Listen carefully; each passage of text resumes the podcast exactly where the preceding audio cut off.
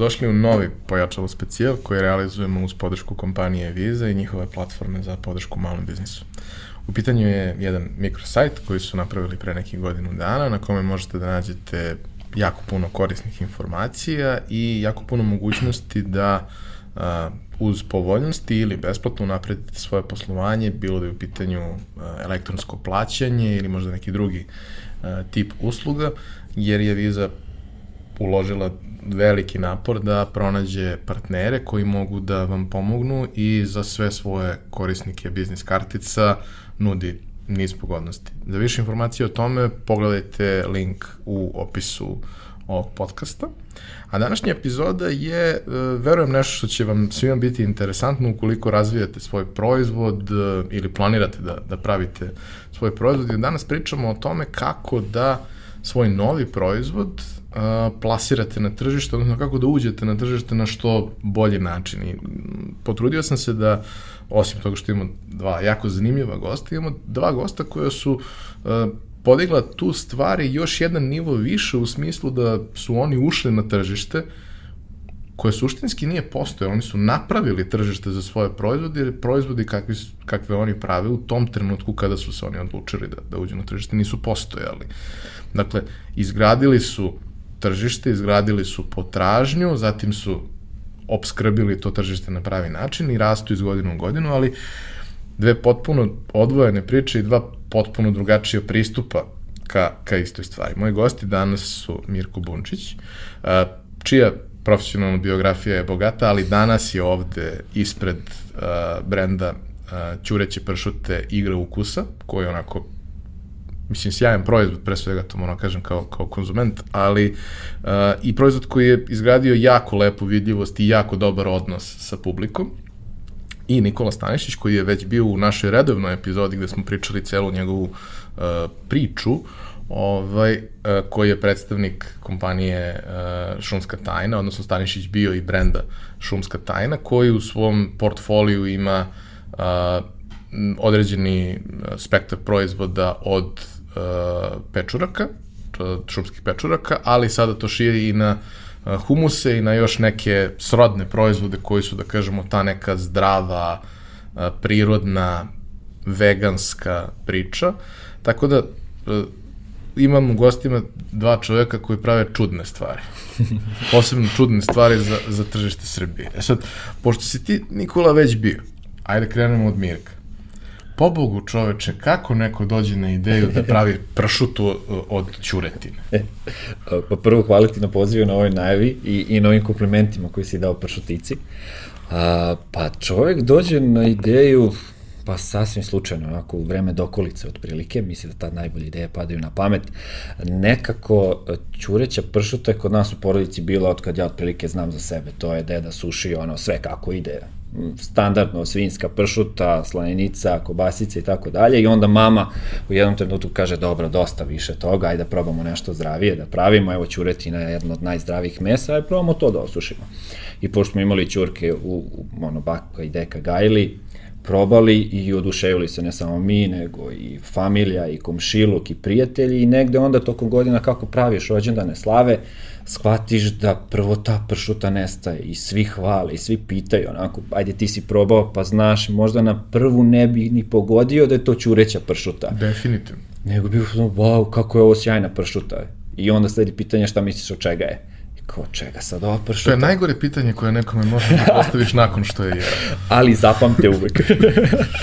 I tako smo mi porodično imali pršutu na, na trpezi I negde sa završetkom fakulteta, uh, drugar sa faksa, Ivan, i ja seli, ja mu nasjetsko pršoticu dao, i on proba, usledilo je to pitanje šta misli od čega je, i on krene da pogađa i pogodi u jednom trenutku da je ćureća i kažem, aj brate, mi krenemo ovo da pravimo. Stalno pričamo o nekom preduzetničkom poduhvatu, aj krenemo da pravimo to. Negde u to vreme je i baka preminula, pa je deka bio u fazonu, idem ja sad kod bake, dosta je bilo, ne mogu ja sam. I onda negde i kod mene se javila želja da ga malo razdrmam, da sad uh, mi pravimo neki biznis. I onda kad sam mu predočio to, čudno me gledao, pa ko će sad to da kupi, pa kako, šta, i onda smo mi krenuli i deda stvarno se bio oduševio kako sad mi to radimo, jer smo mi sve krenuli sa njim da radimo kako bi naučili od njega bukvalno svaki detalj procesa, mada tata naravno sve zna, ali hteli smo i mi da znamo, jer sad kad nas pitaš bilo šta o proizvodnji, sve znamo. I nama je to bilo super, tako smo malo krenuli. Prve godine, brat Ivan i ja sa dekom napravimo od 100 kila, nama prvo kalira više od pola. Napravili neki 40 kila za 6 dana, mi smo to razdelili, ljudi nas zovu da još mi kao, pa prošlo je, ono, ne možemo sad, prošla je sezona, mi imamo pograničeni period, pa kad će sledeće? Nisu rodile ćurke. I onda sledeće godine smo napravili malo više, malo više i tako polako smo osvajali tržište gde uglavnom smo išli na preporuku jer zovu nas ljudi, jeste vi ćureće pršute? Mi kao, mi smo, ja sam čuo to i to i tako je priča. U radno da vreme nismo, a van radnog vremena jesmo. Da, posle posla, vikendom, noću, kad god. A, jedna od stvari isto koja, koja mislim da je, da je jako važna i volao bih da, da se nje dotaknemo na samom početku je to što od starta proizvod je brendiran i spakovan na jedan jako, jako lep, nepretenciozan, a mislim baš onako idealan fit način. Ovaj, Hvala. Otkud to, kako to? Pa negde sve što smo mi radili išlo iskreno. Otprilike Ivan i ja smo završili marketing na, na ekonomiji i krenuli smo da radimo, ajde on kao u istraživačkoj agenciji, ja u kreativnoj agenciji, brati iz financije, tako nekako smo idealan fit bili. I sad koliko smo Ivan i ja strelčevi pa letimo, toliko je brat Vodolija smiren, ajmo to malo drugačije. I onda nas dvojica smo to osmislili da to bude tako, drugari su nam, ovi moji iz agencije dizajnirali to da bude baš kao da smo svetski brend, zato što mi radimo sa svetskim brendovima, onda smo to znanje preneli na nas i primenili samo ono što smo mislili da je najbolje meni je bilo super, nemaš stranu klijenta, nema ko sad da ti kaže ne smemo to zbog toga i toga, nego radiš za sebe i radiš ono kako misliš da je najbolje.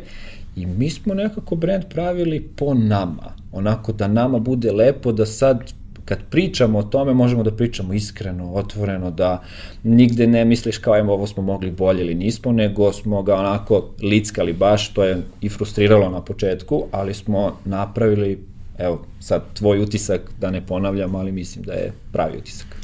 Pa upravo taj moment kad prvi put dođeš u kontakt, iako se proizvod menjao i unapređivao iz sezone u sezonu, ali prvi put kad dođeš u kontakt, ne možeš da provališ šta je, znaš samo da je lepo. što to je, je najbitnije. Što je u principu i jedino što je bitno ako pričamo o nečemu što, što jedemo, gde uh, ono, iskren je proizvod, ti vidiš da ne može da bude ništa drugo. Nije sad ono kao gledaš, ne, pa kao, Ali ovde unutra može da bude svašta. Ne može da bude da. svašta, vidiš šta je, vidiš da je kartina. Pa da, pa pazi, imam super priču, uh, sećam se ko juče da je bilo, mi smo na banji dan nosili uh, pršuticu na analizu u Novi Sad, na institut.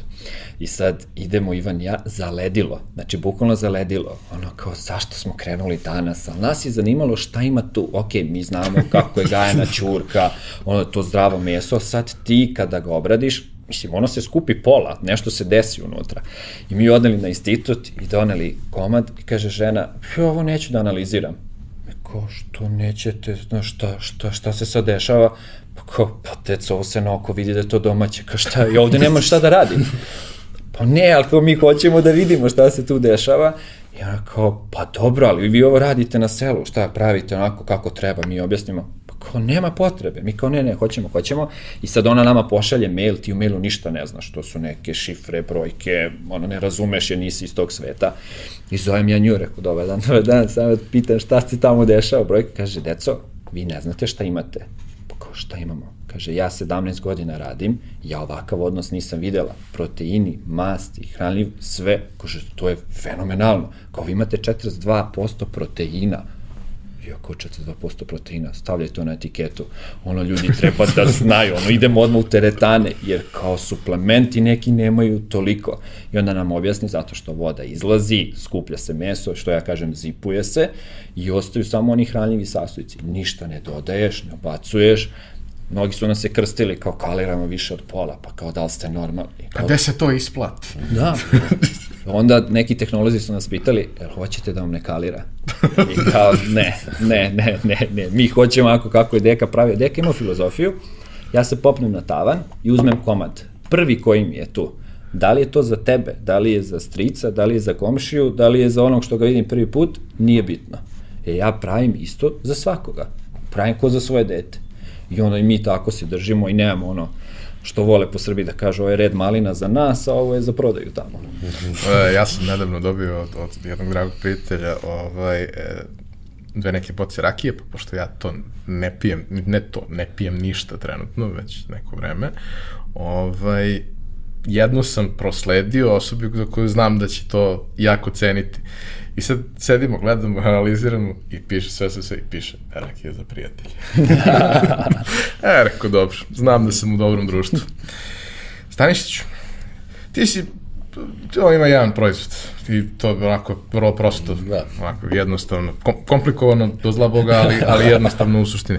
Ti si odlučio sebi da dosta zakomplikuješ život. Krenuo si jednostavno, ali onda se Tako desio je. život i sve se iskomplikovalo. Ovaj, kako bi ti, ja sam predstavio negde u, u najavi šta je gama vaših proizvoda, ali kako bi je ti opisao, čisto da, da ljudi steknu utisak šta sve stoji pod brendom Šumska tajna? Jasno, pa mi smo, eto, i mi smo na tržište generalno izašli sa, sa nekim proizvodom koji je bio potpuno autentičan u tom trenutku, jer mi smo praktično iskoristili uh, pečurke koje su blago Srbije i, i sirovinska baza za celo Evropu je Srbija posle poljske organskih pečuraka koje mi koristimo i videli smo da na tržištu nema sličnih proizvoda. Videli smo da imaju proizvodi humusi i razne variacije i drugih, drugih nekih kategorija sa šampinjonima i sa šitakama. To je suštinski kategorija koja je, može se uzgaja u veštačkim uslovima i koja može da se uzgaja u nekim vlažnim podrumima, ali da samo priroda je daje bez mogućnosti da se veštački uzgaja, to su pečurke koje mi stavljamo u proizvode. Vrganj, lisičarka, crna truba, smrčak i crni tartuf. Od skoro smo na tržište izbacili u saradnji sa Rašom Vlačićem e, novi proizvod, preporuka šefa nama sa belim tartufom, što je negde bio plan od ranije, samo smo negde tu kolaboraciju napravili sa, sa našim renomiranim kuvarom i čovekom koji je evropski priznat, a pored toga, s druge strane smo otvorili kategoriju humusa Suštinski naš neka vizija i naš cilj celokupnog brenda je da se u budućnosti širimo kroz vegansku hranu, što negde vidimo taj trend koji je jako popularan u svetu, vidimo da masa ovih uh, lanaca restorana brze hrane kao što je Burger King, McDonald's i ostali otvaraju kategorije. Čak ja skoro u Nemačkoj prvi put Burger King otvoren isključivo u veganskoj varijanti gde nema ništa uh, drugo sjede i smatramo da koji sve u svetu da će to nekad i da dođe kod nas, ali i pored toga što mi radimo na domaćem tržištu, naš neki dalji, dalji plan kao što i do sad bio je širenje na, Evro, na Evropu i na svet praktično plan, planiramo da plasiramo naše proizvode globalno, što smo donekle, ja sad eto za ovaj neki period od tri godine uspeli smo da se plasiramo na sedam različitih tržišta, ali svakako nam je plan u, u narednim godinama da to bude mnogo veći broj tržišta i mnogo veći udeo market share na tim tržištima, što je jako bitno, ne samo poslati, poslati proizvod. A, kaži mi samo, dakle, osnova su bili namazi na bazi šumskih pečuraka odakle uopšte ideja da se prave namazi od šumskih pečuraka? Mislim, kad čovjek proba, njemu je jasno odakle ideja da, da, da to da treba neko da napravi. Tako. Posebno vrganje lisičara. ovaj, ali, uh, prosto, ono, to kod nas nije postojalo, a mislim da u tom obliku generalno nije baš bilo često i postojalo. To je možda postojalo na nivou restorana gde ti je to nekakav dodatak uz neko jelo ili nešto slično, ali ja ne znam, nisam sretao to i baš sam gledao, sad nedavno kad sam bio u Americi i prošle godine kad sam bio, baš sam gledao po tim specialty food ovaj, segmentima gde kao ima svega i svačega, ali nisam nailazio na, na tu vrstu proizvoda, a nailazio sam na sveže pečurke, nailazio sam na neke druge proizvode, razne one varijante, uh, pečurki u teglicama u raznim fermentovane na ovaj ili onaj način. Marinirane i tako ostalo. Je. Tako. Ovaj, ali, ali nisam nailazio na namaze, a prvi put kad probaš namaz ti si u fazonu gde si bila celog mog života. Da. Jasno, to je, baš spomenuo si Ameriku, to je interesantna priča da mi kad smo, vratit ću se posle kako je sve krenulo, ali kad smo ulazili na Amazon, Amazon je ono, kad je predat taj neki spisak proizvođača, rekao je tri proizvođača želi da, da uzme i kajde kao da izračunamo na osnovu kategorija koje već su otvorene kod njih, kako mogu proizvodi da izlaze. I nisu mogli da nađu našu kategoriju, nego su integrisali gluten free, uh, mushrooms i treća je bila pateja, mislim. I onda su nekako to integrisali da bi došli do nekih zaključaka koliko može proizvod da se prode. Da, napravili smo nešto što je autentično, ajde da kažem, ne, globalno. Nismo znali to kad smo napravili, cela priča je krenula tako što je moj otac imao prijatelja tehnologa, u Mirkom slučaju to je bio deda, kod mene moj otac, koji već ima svoj biznis dugo godina, ali eto, kao šta će moj sin da radi, ono, koji svaki otac, pošto nismo mogli zajedno, teško je sa čaletom, s čaletom raditi, to svi znaju koji su probali, kao šta će moj sin da radi, eto, ajde, kao da, da pokrenemo nešto, ima prijatelja tehnologa koji je tad radio humus. I mi smo tad, bazičan proizvod bio, mi smo ko klinci ovih čaletom išli, brali pečurke po selu, mi smo inače poreklom iz Bosne, i kaže, ajde da radimo, ovo nema na tržištu, daj da uradimo, proso je tad bio baza, posle ću objasniti što je, prešli smo na Leblebiju, to je jedan od izazova s kojim smo mm. se susreli, uh, pro, proso je tad bio baza, koji je tad bio ono hrana za ptice. I ono, to smo se ubili marketinški i, pro, i promocijama, da objasnimo da to nije hrana za ptice. Ali dobro, to, ono, to su one dalje slatke muke koje dolaze. I suštinski mi smo prosto s pečurkama napravili, naravno, to je bila himalajska so, hladno ceđen ulje, sve te neki zdrave proizvode smo okupili, to je bio prvi proizvod koji smo izbacili na tržište i onda kad su videli, prvo, prvo smo krenuli na pijaci, pa zdrave hrane, pa trgovinski lanac, rekli su, wow, stvarno nema. Evo, mi ćemo da vam damo šansu, nema listing fijeva, nema ništa, vi ulazite, pa kako se pokažete, ako se pokažete dobro, mi ćemo da vas širimo, ako ne, smanjujemo vas i to je to. I na kraju smo mi stvarno zaživali među potrošačima i, i danas kad kažeš, ja da masovno poznajem ljude koji nikad do sad nisam znao da, da znaju šta je brand šumska tajna, čime se mi bavimo i da su, ako ne oni nekad kupili taj proizvod, znaju neko koga jede i kupuje redovno. I kojim ga je kupio i odneli da namaži ovo, ali ja ne volim namaži, nemoj mnogo da razmišljaš, poslušaj jednom u životu. Namaži. I da, i ono što, što sam, što, što sam te da kažem, zašto smo prešli na kraju na Leblebiju, imali smo izazove sa procesom, jer uh, to je sad već tehnološka neka, neka opcija gde smo mi ono, ja uvijek kažem kad su svi neki festivali, forumi i ostalo, umesto da radimo self, self marketing, bolje da kažemo da damo pet izazova s kojima smo se susretali u toku svog razvoja poslovanja dok smo došli do tako velike stvari, nego da pričamo samo ja, ja i ja, jer to ja, ja, ja može se nađe na internetu koji za sve danas kad ukucaš, ali uh, jedan od, mislim, neće, ne mora biti svima korisno, ali sigurno će se neki pronaći. Mi smo imali problem kod prosa, jer u, u, u, u, u miksanju sa pečurkom je ostalo posle određenog vremena na policama dolazilo do sinerezisa. Sinerezis je uh, proces u, u tehnologiji hrane gde dolazi od, odvajanje vode od mase, da, da. gde je proizvod potpuno ispravan ali na policiji ali kada uzmeš ga, on da. je zla katastrofa i ljudi neće da ga kupuju, boje se jer ljudi nisu edukovani, što je normalno, što bi neki običan, naprimjer neki program ili nekom treba znaš šta je sinerezis, to nema potrebe. I tako smo mi onda suštinski morali da rešimo taj problem i mi smo u tom trenutku prešli, prešli kao bazu proizvoda na Leblebiju, gde smo praktično dobili mnogo bolji tasting i na kraju se to stvarno super ispostavilo, ali eto, to je jedan od izazova koji smo imali na samom početku, koji nam je zadavao probleme koji smo mi, eto, mogu kažem, manje više brzo rešili. Uh, jedan poseban segment koji ste otvorili prošle godine, baš u vreme kad si, kad si bio ovaj, kod nas na, na gostovanju, tek je počinjala ta priča, je humus.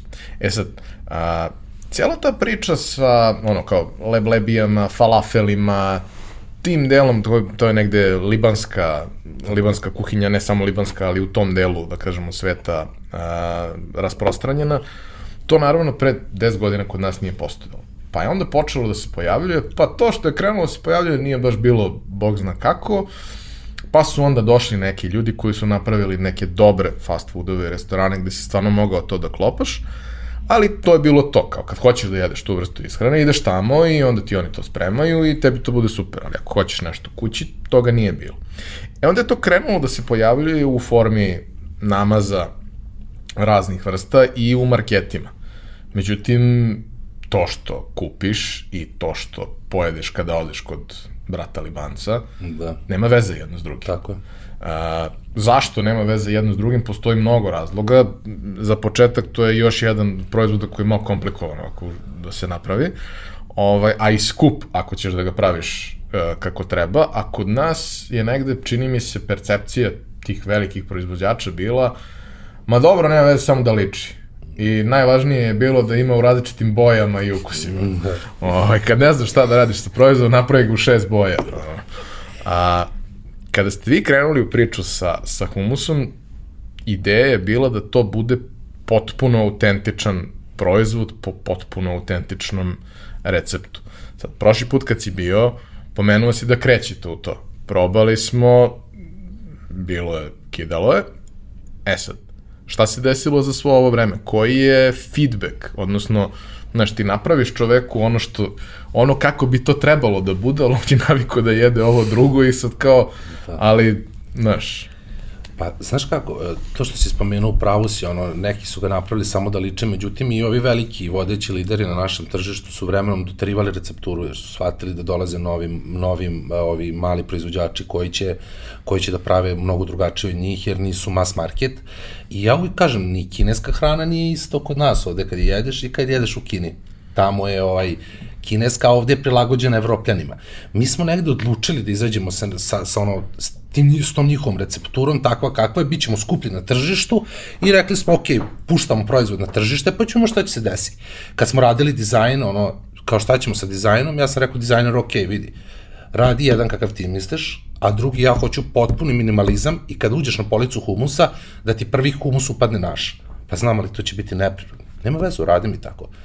Dobili smo dva dizajna, dobili smo Kraft Natur papir kao svi ostali humusi prirodno. I onda s druge strane smo dobili etiketu koja je drečavo, koja je tirkizna i drečavo, crv, drečavo crveno naranđasta.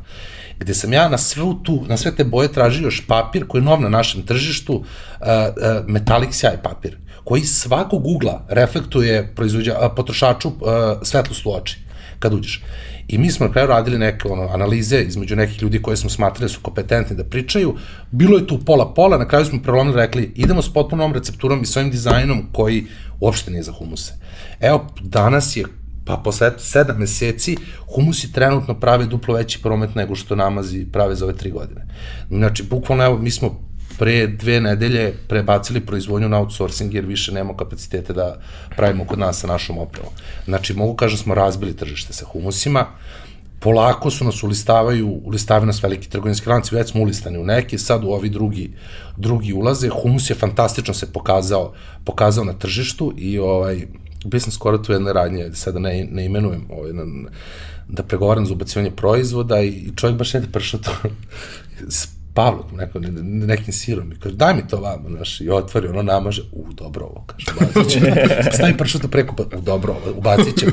I onda masovno nalazim na ljude koji mažu humus preko pršuta, što mi se sviđa. Baš onako veganski. Da, da, da, mislim, to je naše tržište i mislim da, da, da smo, zato što smo drugačiji od ostali, zato što smo s tom nekom recepturom izašli, imamo taj neki, nije nam kisel humus, humusi, mislim, izvorski humusi, jesu malo kiselkasti. Ne, naš nije kiselkasti, zato mislim da se dosta dobro primio ovde na tržištu i da su... I tekstura je drugačija, potpuno pate. imaš mnogo puniji ukus. Tako je, pate. Nismo uzeli da bude vodena, nismo uzeli, ne znam, nego je pate. Jednostavno mi i namaze pravimo kao pate. Neko kaže, ja, ovo je mnogo tvrdo. Ne, nije tvrdo, to je kategorija pate. Ne, mi nismo Pavlaka ili nešto da ti sad uzmeš pa da razmazuješ, ne znam kako, tako, tu smo kategoriju otvorili baš zbog te autentičnosti, tako smo se i postavili. Tako da suštinski humus, ovaj, tvoje pitanje se sjajno pokazano na tržištu i još jedna stvar koju ja mislim da jako zasluže svemu tome, uh, što si rekao malo pre, ovaj, pre dve, dve godine, kad pitaš kao, znate šta je humus, kao da, zemlja za cveće, znaš, danas ja odem u čačak kod moje tetke koje suši pršaticu, tetko, znaš šta je humus, kako ne znam, nama za odleblebi, ja, šta pitaš gluposti. Tako e, da, ako si došao do toga da u čačku, znaš šta je humus, da, znaš, to ja sam rođen u čačku i odem kod tetke, tetko, znaš šta, kako ne znam, nama za odleblebi, kao šta me pitaš. Znaš, generalno tržište se edukuje, uči, veliki, veliki igrači ulaze u humuse, što je jako super, jer oni plaćaju marketing, televizijski, ovakav, onakav. Ja isto kažem uvek, mi ne trebamo u, u kategoriji humusa, mi između sebe, mi ne trebamo se da, s konkurentima se takmičimo. Mi svi zajedno treba da širimo kategoriju i da radimo na marketingu, da što veći broj ljudi postane naš potrošač, jer mi nismo kategorija koja raste godišnje 2-3%, pa svi, svi da se skupimo na tih 2-3% ko će da ih uzme. Jedine dve kategorije u Srbiji koje eksponencijalno rastu iz godine i godine su veganski namazi, humusi i hrana za kuće ljubimce. I znači kad nešto toliko raste, mi svi zajedno treba da je širimo, uzimamo i, i kad bude se, sve što bude više rasla, mi ćemo svi dobijati neki dao, deo naše kolača. Tako da, suštinski, e, ta ja smatram, moje neš, ne, nešto lično je da će za 10 do 15 godina u Srbiji takođe kao i Napolju uh, humus zameniti kategoriju paštete. Da će definitivno, ja vidim po mojim prijateljima koji imaju malo decu, koji su mogućnosti da kupuju takvu hranu, ta deca ne jedu kao ja ranije viršle i jetranu paštetu. Oni jedu humus, oni nikad neće znati za tu, za, za, za, za tu vrstu hrane, ko što smo mi kad smo, kad smo bili mlađi.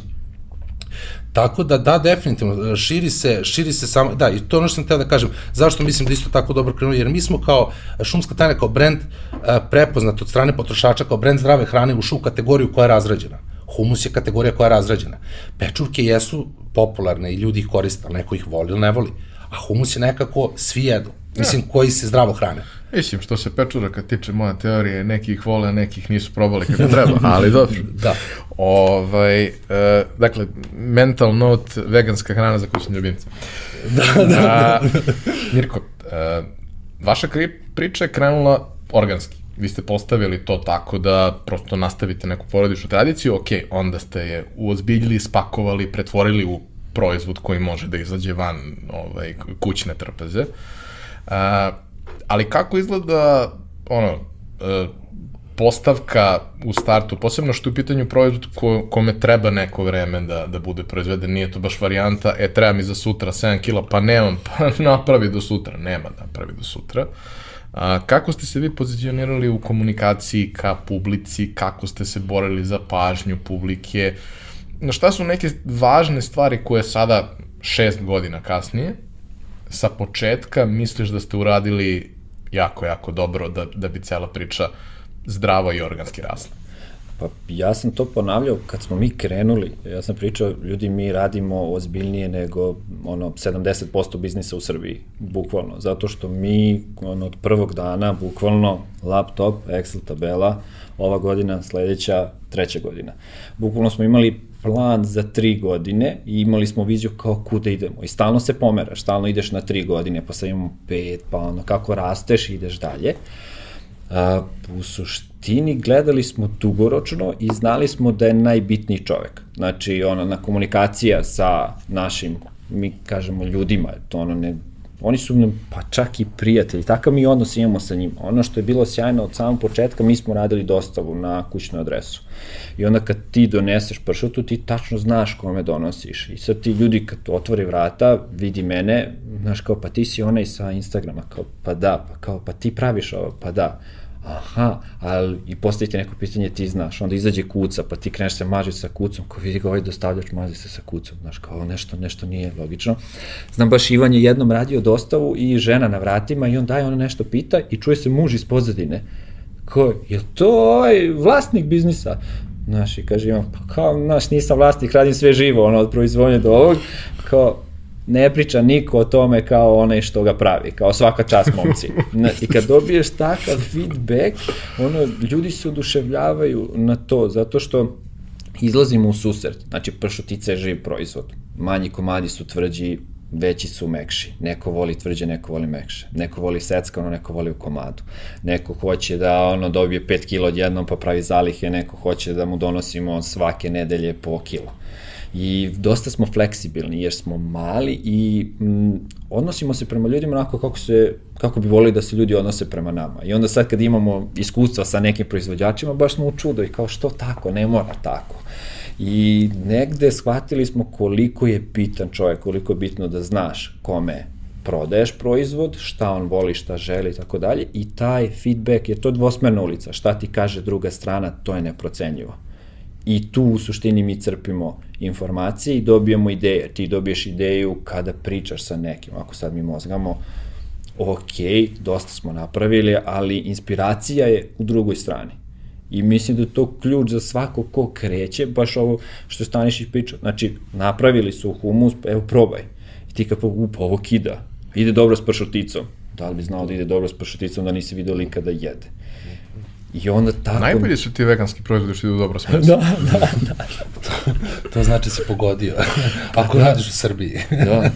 I onda tako smo mi i shvatali, ok, naš proizvod je ukusan, mi smo to znali, ali onda kad shvatiš da je pravi domaći, da fali tog domaćeg proizvoda, da vidiš šta konkurencija radi. Mi smo realno bili ljuti kad smo kretali, zato što smo gledali šta drugi rade i kako rade. To nije dobro. Ja ne želim to da jedem. Da, ti imaš tu niz stvari koje drugi ljudi rade, za koje se ne zna ili se zna donekle, pa onda ti saznaš malo više koji ne samo da kao nisu fair prema korisnicima, sigurno nisu fair, ali te dovode u situaciju da ne možeš da budeš konkurentan jer prosto, ono, ako ti kaliraš 50%, a on kalira 20%, Da.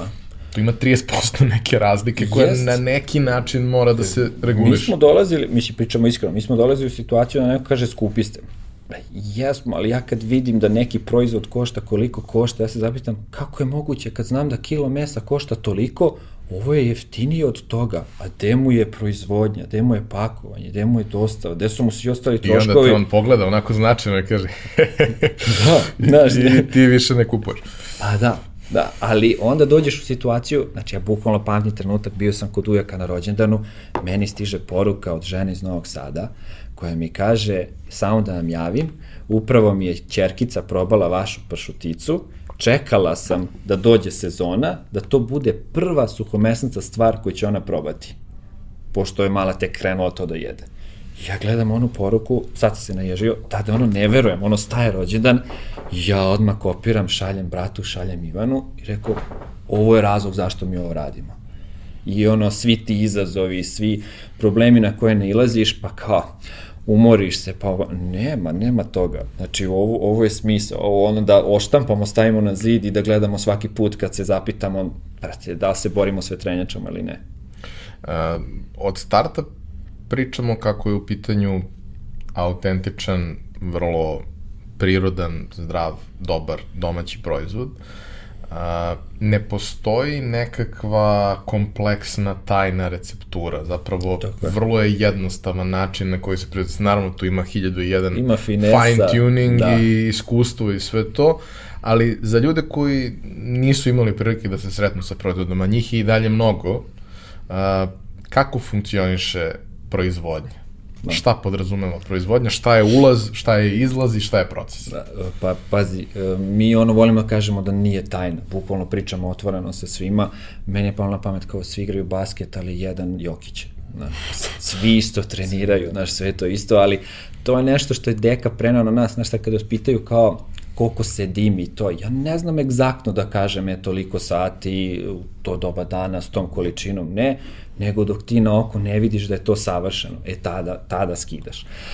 Proces je vrlo jednostavan, A, ćureći belo meso se obradi, uh, usoli se sa himalajskom solju i belim lukom. Mi volimo kažemo beli luk iz bašte, pošto onako susretali smo se sa raznim stvarima, jer pitaju nas ljudi odakle beli luk, e, kao iz bašte, iza kuće. Ovaj. A, to odleži u tom pacu, posle toga izvadimo iz paca, stavimo da se malo okapa, pošto ćuretina ima dosta vode u sebi, onda već tu pusti određeni deo, okapa se, onda dimimo na bukovom drvetu, o, nekih 3-4 dana zavisi, dok ne dobije tu zlatkastu boju, posle toga stavi se na promaju i čekamo da priroda odradi svoje. Poprilično jednostavno, ali dosta zahtevno, moraš posle da obilaziš stano, da gledaš, da pod ruku osetiš da li je pače suvo ili nije, najbolji deo je moraš da probaš. Tako da... Ja bih probao tri put dnevno, ne bi ostalo ništa do, u tom procesu. Pa pazi, simptomatično je ovaj naš Ivan isto ima tu logiku, jer kad pakujemo, a, moramo da čuvamo pršutu od njega. Jer on gleda malo da naseckamo, mislim, znate, obojica kad naseckaš malo, nikad nije malo, da ono, vučete dalje. I to je jedna od najboljih karakteristika našeg proizvoda, što te vuče na još.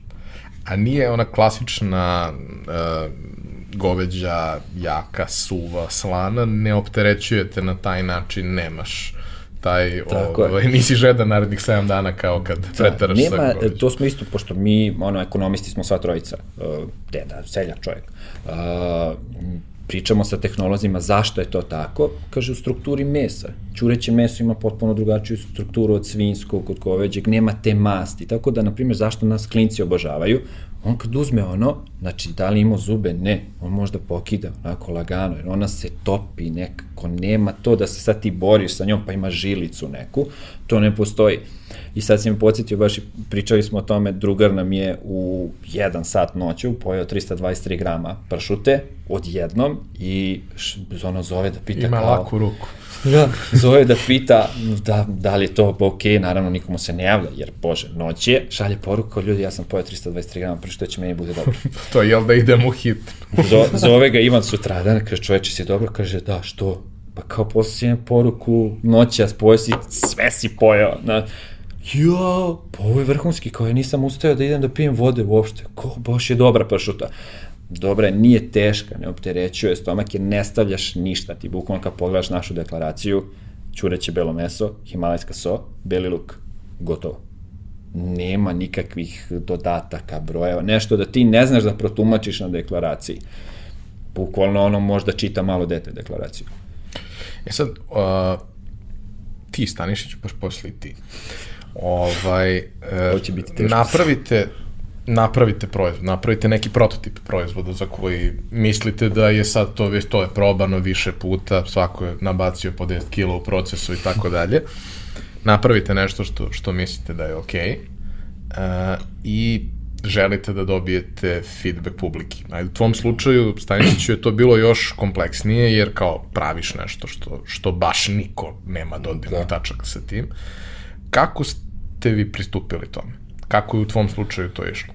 Pa ja kao što sam pričao onda, ja sam suštinski da bi dobio na kraju te pare za opremu od Ćaleta koji mi je obećao, ja sam morao da idem da dokažem da će to da prođe na tržištu. Ja sam tako iznajmio tad na Bajlonijevoj pijaci pola tezge, gde sam ja svaki dan dolazio, mazao na hleb, na bagete, oni su, oni su probavali ljudi i krenuli su da kupuju, suštinski, vidim da se nekom to sviđa, mislim, neko kupuje, i ja rekao, to tata, nam 20 teglica, 30 svaki dan, rekao, to je to, pa kaže, čekaj, prije, 20-30 teglica svaki dan, ja da ti dam 15.000, koliko je tad bilo oprema, nešto nije bilo puno, za, za, za opremu, kaže, ajde, polako, evo ti, kaže, ajde sad, mislim, to je bio njegov proces gde on mene navodio, ono, kako ću ja suštinski da dobijem tu, tu, ovaj, valuaciju tržišta, i kaže, ajde sad, pošto svaka beogradska pijaca, ima e, tezgu gde se prodaju pečurke. Ne znam koliko ima u Beogradu, 15 pijaca.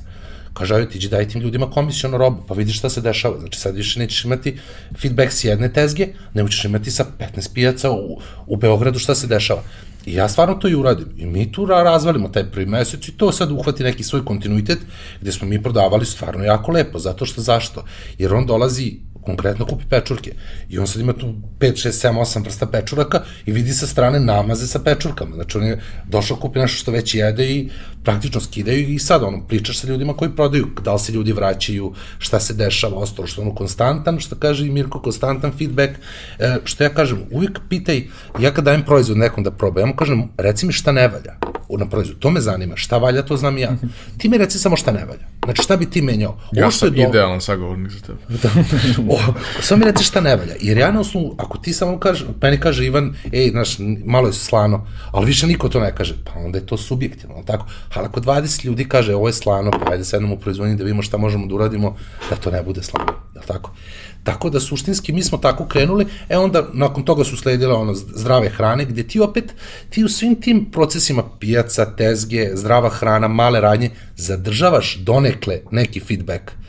Ti gubiš feedback praktično kad ulaziš u trgovinske lance. Ispod Dobro, tu imaš jedino feedback na nivou statistike, ali na nivou, nemaš bravo, bravo, nivou statistike. i gde, još, gde smo mi uhvatali taj feedback? Na degustacijama jer mi kad smo ulazili, mi smo postavljali naše, ja ih zovem punktove, gde smo mi konstantno radili degustaciju mi tu vidimo opet šta ljudi kažu.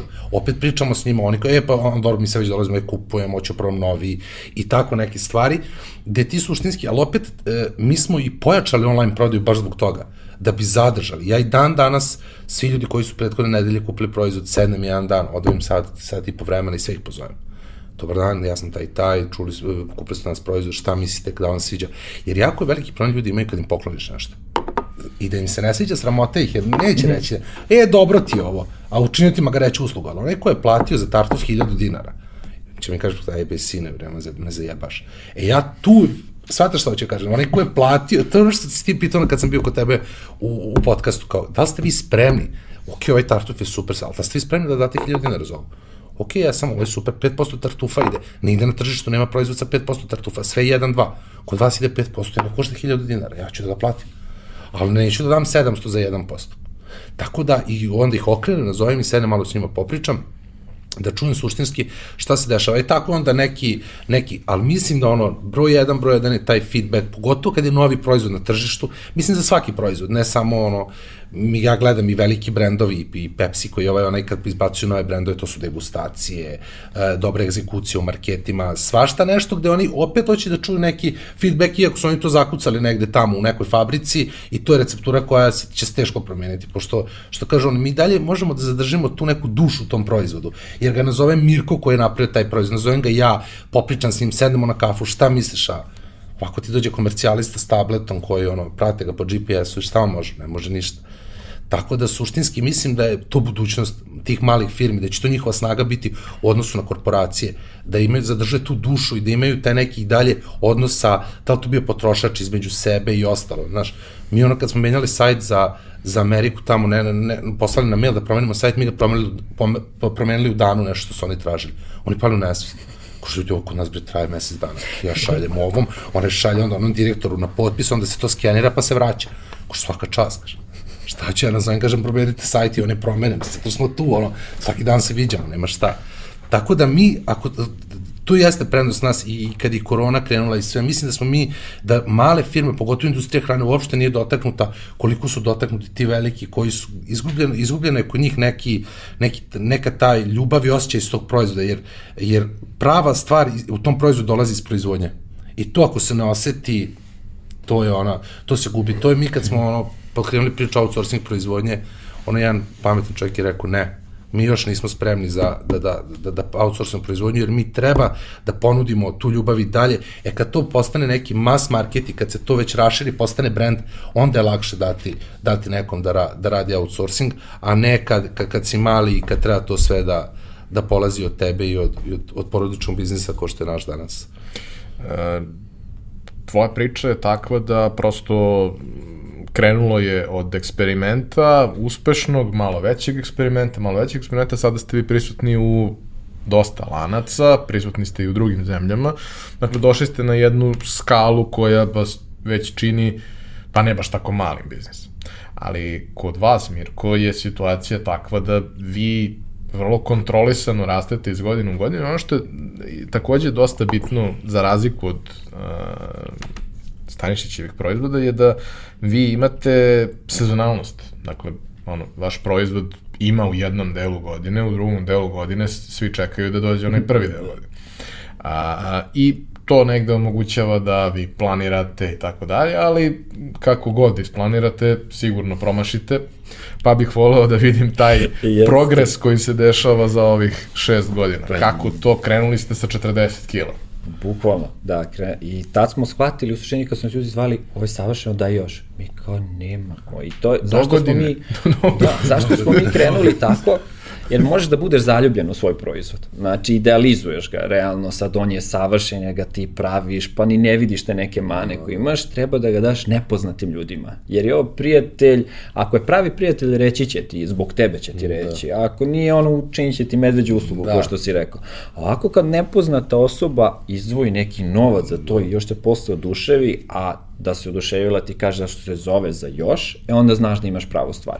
I mi smo te prve godine shvatili, ok, nismo zaljubljeni, znači zaljubljuju se svi u pršutu, super, idemo sledeće godine više. Taj moment kada ono kao uh, put your money where your mouth is. Znači, to je taj trenutak magije. jest, jest. I sad, da se vratim na tvoju priču, pošto imali smo slično pitanje, ja ću sve da prepišem. Uh, samo dok te slušam, proveva mi jedna reč, a to je iskrenost. Da. Znači, baš ta iskrenost oseti se. To realno ne možeš da fejkuješ. Možeš ti nekog da prevariš jednom da ti kupi proizvod, već drugi put teško, treći nema šanse da ti kupi. Ako se on vraća peti, deseti, dvadeseti put, mi imamo ljude koji su sezonama sa nama i ono procenat ljudi koji nam se vraća iz godine u godinu je ono fenomenalan, to ti govori, ovo je dobro.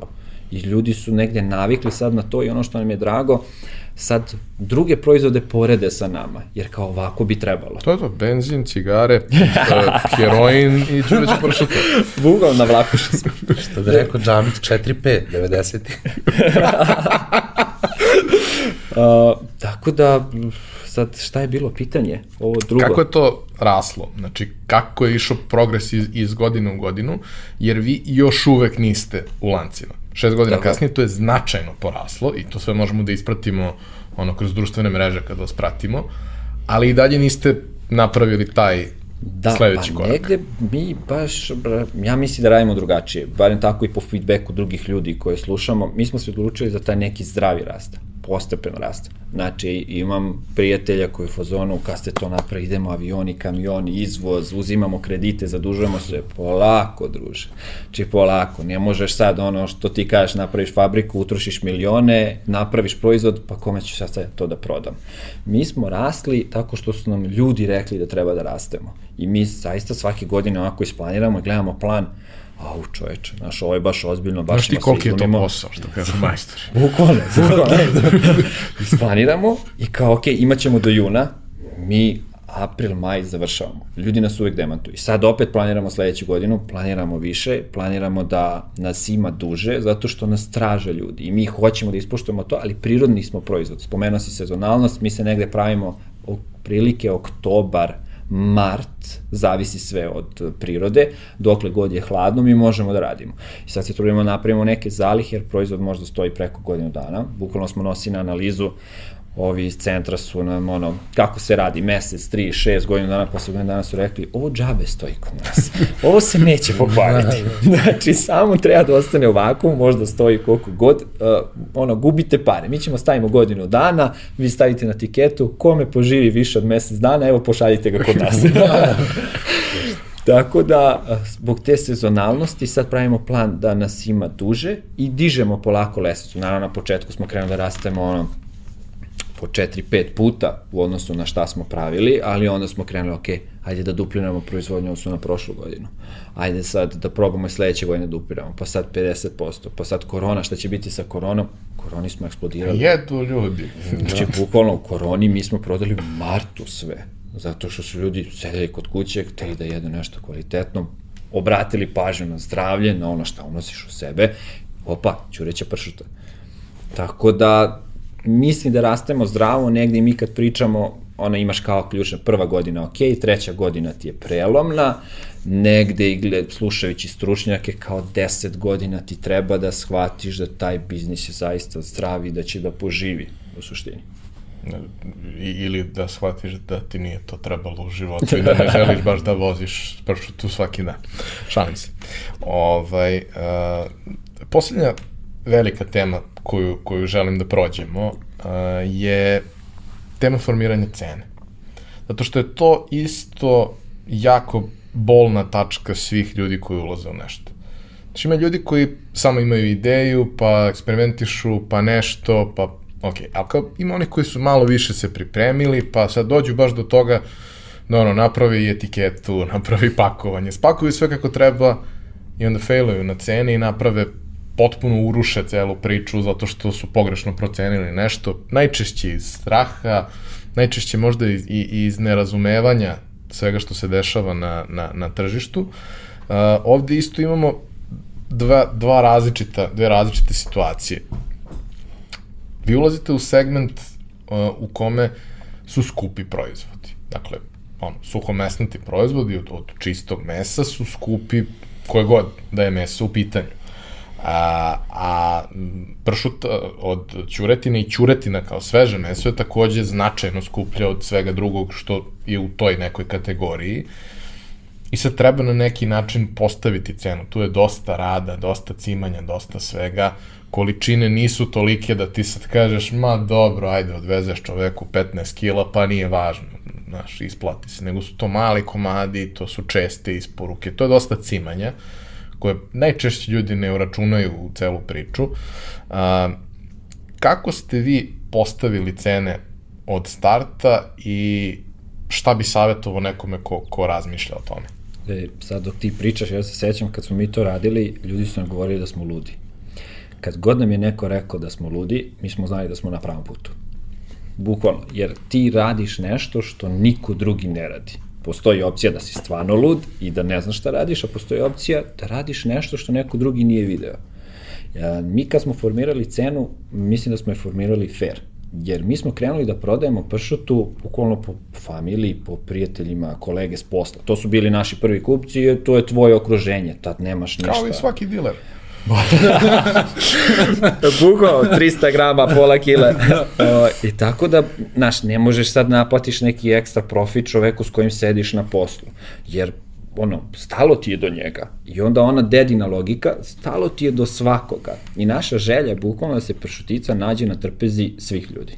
I onda nismo želi da budemo alavi. Sad zaradit ću ove godine, ne znam, avione, kamione, a sledeće neće niko da mi kupi. Ne, nego ideja da ti kupiš, da uživaš u tome i da se vratiš, da ti bude pristupačno, a opet je tu neki premium proizvod u koji si ti uložio ta naša vakum kesa koju ti moraš da pakuješ pršutu nije najjeftinija vakum kesa, nego je kvalitetna kesa koja može da drži, koja ima određene karakteristike. Ta etiketa nije najjeftinija, jer mora da oslikava taj proizvod. Proizvod je premium, proizvod je prirodan domaći. Sve što radimo mora biti premium, mora biti prirodno, mora biti domaće. Mi smo se dovijali radili smo neke, neka pisamca sa, gde smo vosak stavljali sa pečatom, mi smo tražili negde ono zanatliju koji pravi vosak, jer smo hteli od njega da kupimo, ne da odemo u radnju se kupimo neki vosak i hoćemo podržimo. Što je komplikovano. Bukvalno. I sad, znaš, kad pričamo tako ljudima, ti kažeš komplikovani smo, jesi fin, neki kaže, pa vi ste ludi, kao, što radite to? Pa ono imaš na ćoš, nije fora, fora je da sad upoznamo tog gospodina koji to radi, da možda sutra pričaš o tome, jer sve, sve to što mi radimo nekako iskupljamo te priče, upoznajemo te ljude. I onda, naravno, iza stoji ograd, sad je ova lepa priča što sam ja ispričao, to je jedan ugol gledanja, drugi je ozbiljna kalkulacija. Ti moraš da uneseš sve troškove i da gledaš šta te sutra čeka. Jer ne možeš danas naplaćivati proizvod 1000 dinara, sutra, uf, znaš, pogrešio sam, ovo ipak sad košta... mi se više ne isplati. Da, ovo košta 5000. Pa, znaš, neće niko sada kupi to kad si kupovo po ovoj ceni. I ono što smo mi uradili jeste uračunali smo dostavu. I mislim da je to fair prema ljudima ti kada prodaješ pršutu, mada mi, ja kažem, nikad ne prodajemo pršutu. Ja nikad nisam nikog pitao hoćeš da kupiš. Nego druga strana je, wow, daj to, ja ni ne stignem do tog dela. Koliko je dostava? Pa dostava je besplatna, jer kao radimo je mi, sad smo porasli toliko, sad imamo prijatelje da rade za nas ovaj, i uračeno, uračeno smo i cenu, tako da ono što ti kažem, to je finalna cena, nema nekih ekstra troškova, nešto preko. Čak i kad šaljemo, pošto šaljemo i izvan Beograda, ljudi se iznenade kad dobiju ne plate poštarinu. Pa. I to je taj moment da ti oduševiš neko. Znači, svi rade na jedan način, aha, pa može drugačije. Može drugačije i kreneš da radiš na taj drugačiji način. Nikad se nismo igrali sa akcijama, nikad nismo dirali cenu, nikad nismo spuštali to zato što to je... Ili se menjala cena kroz godinu? Jeste, jeste. Pre svega zato što ti cena ćureti ne varira. A nama je to glavna sirovina. I ti sad kad imaš 2 kila nečega... Dakle, imaš jednu sirovinu. da, ti imaš 2 kila mesa od koga napraviš nešto manje od kilogram. I sad kad ti skoči cena tih 2 kila, to je ogroman procenat u trošku toga što ti treba da napraviš. Mi smo u trenucima kad je cena padala smanjivali cenu, zato što, ok, mi imamo sad manji trošak i mislimo da je fair da to podelimo sa vama. A sad kad cena raste, a sad cena raste, Znači ti moraš da podigneš cenu zato što ti je to glavni input. Ali samo budeš iskren. Znači ljudi kad nas pitaju, i to je mnogo bitno, ta komunikacija, da ti kažeš, mi, ono, desilo se da pogrešiš u proizvodnji. Nisi ne, ne, ne, to je dobro, to je dobro. Ne, ljudi, pogrešili smo, znači, nema nas, nas nije bilo, mi smo jednu celu turu bacili. Zašto? Zato što je, da, znači, to, to nećemo, nećemo prostiti sebi. Uh, Zato što hteli smo da izađemo što pre i da ponudimo ljudima, zašto su nas pitali kad će, kad će, kad će, kad će, i onda kao, ajde da se nategnemo, da probamo, ne možeš protiv prirode. Znači, priroda je glavna. Kako ona kaže, tako radiš. Mi smo to naučili na teži način. I sad dobili smo pršutu koja je okej, okay, ali nije savršena. Ako nije savršena, ona ne izlazi na tržište. Okej okay je, nije to ono naše Znaš, nećemo biti sad ono, ne, znaš, ja ne znam ni u šta se sad to stavi, pa to promeni ukus i tako to, to ne radimo, nego ok, malo ćemo da se stisnemo, malo ćemo da zaplačemo, sklonit ćemo, ali naš čovek ima da dobije savršenu pršutu na koju navikao i tu nema govora. Ja sam celo detinstvo bio ono dete koje zovu kad kolači ne uspeju. to su mi bili omiljeni kolači. A, Nikola, kod tebe situacija Znači ti si od starta krenuo eksperimentalno i sve to, ali ti si od starta krenuo svestan da ćeš, da bi imalo to nekog smisla, ulaziti u veće ovaj, praviti veće dilove, ulaziti u veće lance, praviti veće količine. Tako je. I to onda podrazumeva malo drugačiju postavku kalkulacije, mada u suštini sve ono što je Mirko rekao i dalje stoji. Jeste, jeste. Kako si ti formirao Da, cenu? ja se slažem, ja to često govorim, pošto me često ljudi pišu mi ili preko mreža ili mi pišu na mail, pozovu me ili prijatelji neki koji pokreću brendove, uvijek je ta tema ono kako formirati cenu. A ja im uvijek kažem neke stvari, mislim, ti možeš da računaš sad radiš ti i mama, sutra nećete raditi ti i mama, tako. Sad Mirko vozi pršuticu, sad je voze prijatelji, sutra će voziti možda... Znači, ne treba biti prijatelj. Znači, ne, ne, ne, ne, ne imaš prijatelje. Sutra će možda biti pet vozila koji će razvoziti tu pršuticu. Danas ti obilaziš teren, slažeš, slažeš te neke proizvode, radiš akcije, sutra će to neko drugi da radi. Ti se moraš to da uračunaš u proizvod. Znači, uračunaš u cenu proizvoda. Jer ne možeš da je menjaš. Naravno, možeš, Možeš, da spustiš, možeš da ali- je spustiš. To ti niko neće zameriti. Možeš i da je podigneš u nekim okolnostima, Pa da, ali, ali nije sad to da non stop menjaš da. cenu kako ti se šta menja. Naravno, naravno. Uh, ja što se tiče kad odnosu na konkurenciju treba je gledati, ali ja je ne bih previše gledao. Ja mislim da jako, jako bitan faktor u, u formiranju cene udeo za marketing.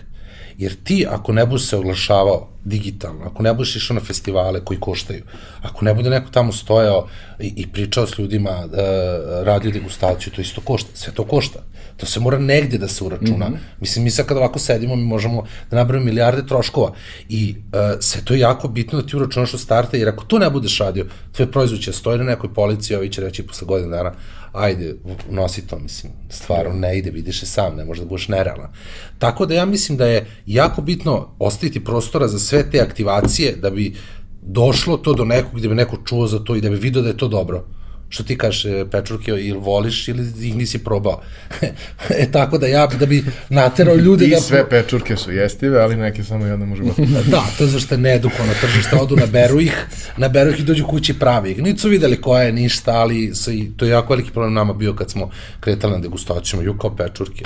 A u stvari je tržište needukovano. A Ljudi odu- generalno, ako je lepa i šarena, Da, ako je šarena tu pogotovo, znaš. Da, a ne, rekao si super stvar koju bih akcentovao, na primjer, e, pošto ja dolazim iz sveta marketinga, generalno, pa i veliki brendovi, marketing gledaju kao trošak. I kad ga gledaš tako, to stvarno, kao, investicija. zašto bi to dali toliko, smanjuju, smanjuju, smanjuju. To je investicija. Ma da. Zato što ti, seća se profesora sa fakulteta, zamislite da BMW nema marketing i da niko ne zna kak, kakav oni automobil imaju. Pa to je greota. I čovjek voleo BMW. Da. I tako on objasnio, ti moraš da kažeš ljudima, pogotovo sad što mi imamo taj izazov edukacije tržišta, ćureća pršuta je drugačija od ostalih, humus na ovakav način, namaz od pečovaka na ovakav način, znači moraš da utrošiš neku energiju i vreme i novac da bi ih je edukovo ljude da probaju, ja volim da kažem ono nepca ne, ne lažu, znači Da. samo da dođeš do tog momenta da proba pršutu, to je to. Da. Dalje pršuta sve radi sama. Bukvalno. ali dođeš, probaš i kažeš zapakuj. Zabav. Pa da, pa da. Tako i ovo, zato i te degustacije, taj proizvod košta. Znači ti mažeš Da, da. proizvod koji si mogao da koja stoji, prodaš. Košta sve. E, ali onda mi u kalkulacijama kada radiš, znači, na primjer, mi kada kalkulišemo proizvod koji radimo promociju, mi ga kalkulišemo po prodajnoj ceni, jer to je ono što meni odlazi, jer ga ja nisam prodao, a napravio sam ga, ne, ne računam ga po nabavnoj ceni. I onda kad napraviš Excel tabelu, baš mora biti detaljno, mi smo tu tabelu troškova pravili dosta dugo, jer uvek se pojavi neki novi trošak, uvek iskoči neka nova taksa, uvek se desi nešto i onda napraviš taj tokom godina maestralnu tabelu i toga Je, se ali to, držiš. to često, znaš, kad, kad, kad pričam sa, sa, ljudima iz najrazličitijih backgrounda, mnogo je lepo kad imaš inženjere i ekonomiste, to, to je predivno, Ove, ali generalno kao, znaš, svi, svi pokušavaju, svi su u fazonu, pa da, ali ja sve što predvidim uvek bude nešto što, pa jeste, ali nije isto kad pogrešiš 5% Da. i kad pogrešiš 40%. da. 5% ćeš da preguraš i bit ćeš pametniji sledeći put i nećeš pogrešiti na tih nego na novih 5%. Da. Ali kad pogrešiš 40%, to onda boli. nema smisla. Da. Znaš, ta onda, tad onda dolaziš u situaciju da to što si radio nema smisla. Napravio si proizvod koji je super, koji su svi kupili i ti si u minusu 500 eura na njemu. Da. Što si ga pravio? Da. Da. Znaš, kao, mogo si i da im podeliš samo pare, isto bi bili srećni. Bukvalno. Nije mi kad smo kretali, seća se toga, kao postoji ta neka seljačka logika, a to je cena da napraviš puta tri. To je restoranska logika, to nije seljačka. Eto, ne znam, nama su pričali kao, znaš, seljačka logika, napraviš cilj koji te košta puta tri i to je to. Ko, dobro, to sad, naš, mi završi ekonomski fakultet, baš nema smisla. Da. Aj mi stavimo na papir da vidimo koji nas sve troškovi čekaju. To, to, I 2,97. Kad sve sabereš je 2,97. nije, nije, ali mislim da, stvarno da, a, baš, opet vratit ću se na fakultet, a, prvo predavanje profesora koji je pričao o BMW-u, pričao je o tome kako sad da recimo zamislimo, pošto vole automobile, zamislimo da imam, a, ja autoservis prodajem automobile i popravljam ih. I uzme kolegu Nikolu iz prve klupe. Kaže, evo, kolega Nikola dođe kod mene, ja vidim on na fakultetu, balavac, šta je to druga godina, daj ja njega da zavrnem. Sad ću mu ja prodam neki krš, uzmem neki pa šta mogu, 300-400 evra zavrnem njemu, ali stoji mi ono tamo, ne znam šta ću s tim. Ja ga zavrnem, on sav sreća, nema pojma, ode kući, kaže Ćole, šta si to kupio? Pa da si realno, pa on ne vredi, pa ti si bacio pare, pa komšija, pa krenu da ga zezaju, on se nikad ne vrati kod mene. Drugi scenario, dođe Nikola kod mene, vidim, pa vidi ga ovaj studira ekonomski fakultet, malo popričam s njim, dobar je. Biće fin, nešto od njega u životu. Slušaj, Nikola, ja tebi prodam ovaj auto, on je krš. Prodam ti po realnoj ceni, ali dođeš kod mene da ga popravljamo i jedino ja znam da ga popravim realno, tebi ne treba sad. Ne treba ti. Ajde, ovo će da te preveze vamo tamo, realno vozit ćeš pijan, bla, bla. Znači, ja ga držim tu, on dolazi kod mene na popravke, Nikola završi fakultet, krene da radi, ima svoju platu, hoće kupi novi auto. Gde dolazi? Kod mene. Dođe kod Da. mene, ja mu sad prodam novi, kažem ovaj ti je dobar zbog toga i toga. Ok, Nikola se zaljubio Sanju. Krenu da žive zajedno, hoće sad Sanja auto, jer on radi na ovom kraju grada, ona radi na ovom kraju grada. Gde će kupi auto? Pa kod mene. Pa dođe dete, pa im treba karavan i tako dalje. Ja Nikoli u toku života mogu da prodam jedno 5-6 automobila. Pritom ih sve vreme servisiram. Tako. Ja za toliko zarađujem na njemu da mogu da ga pošlem na letovanje. I to je logika marketinga, to je logika To je odnosa. logika Nemca. To je logika to je Nemca koji te Nemca, drži. bravo. I zato, na primjer, i mi kada završimo sezonu, mi pogledamo, ok, znači ovi ljudi su nam se vratili, ovi ljudi se nisu vratili. Imamo istu, isti pristup. Zašto se niste vratili? Da. Jesmo mi nešto pogrešili? Jer kao može da se desi, ne znam, mi smo Naravno. izašli u susret, bili smo neljubav, mislim, ne mogu da pojmim da se to desilo. Ali imamo situacije da ljudi kao je, pa, znaš, ja se preselio, nisam više tu, nažalost ima situacija, ostao sam bez posla. Znaš, super ste ljudi, ali, Ma da. ono, znaš, ima takvih nekih objašnjenja, tako da bitno je da znaš da dobiješ povratnu informaciju i ta zdrava kritika te čini boljim. Da, pod kritike napreduješ, pohvala Da. ne možeš da napreduješ, tako da... Pa momci, mislim da smo dali jedan lep presek, da smo dali ljudima teme za razmišljanje, glavobolju i da sad svako ko ima prijatelje ima neke ideje kako može da ih zloupotrebi. Ovaj, svaka vam čast i jednom i drugom na tome što ste uradili i jako mi je drago što sam jedan i drugi put negde ispratio od samog početka i da, da ste dokazali da može na dva različita načina priča da se razvija. Uh, nastavit ću da pratim. Uh, hvala vam još jednom. Hvala našim prijateljima iz kompanije Visa koji podržavaju realizaciju ovog specijala. Uh, u okviru njihove platforme za podršku malom biznisu možete da nađete neke razne korisne i zanimljive stvari koje mogu da vam pomognu da unapredite svoj biznis, bilo da je u pitanju elektronsko poslovanje, plaćanje ili možda neke kreativne usluge ili nešto slično. Više informacije o tome imate na linku u opisu podcasta. Ja vam se zahvaljujem što ste nas slušali. Sledeće srede novi specijal, a već u nedelju nova redovna epizoda i to je to. Vidimo se.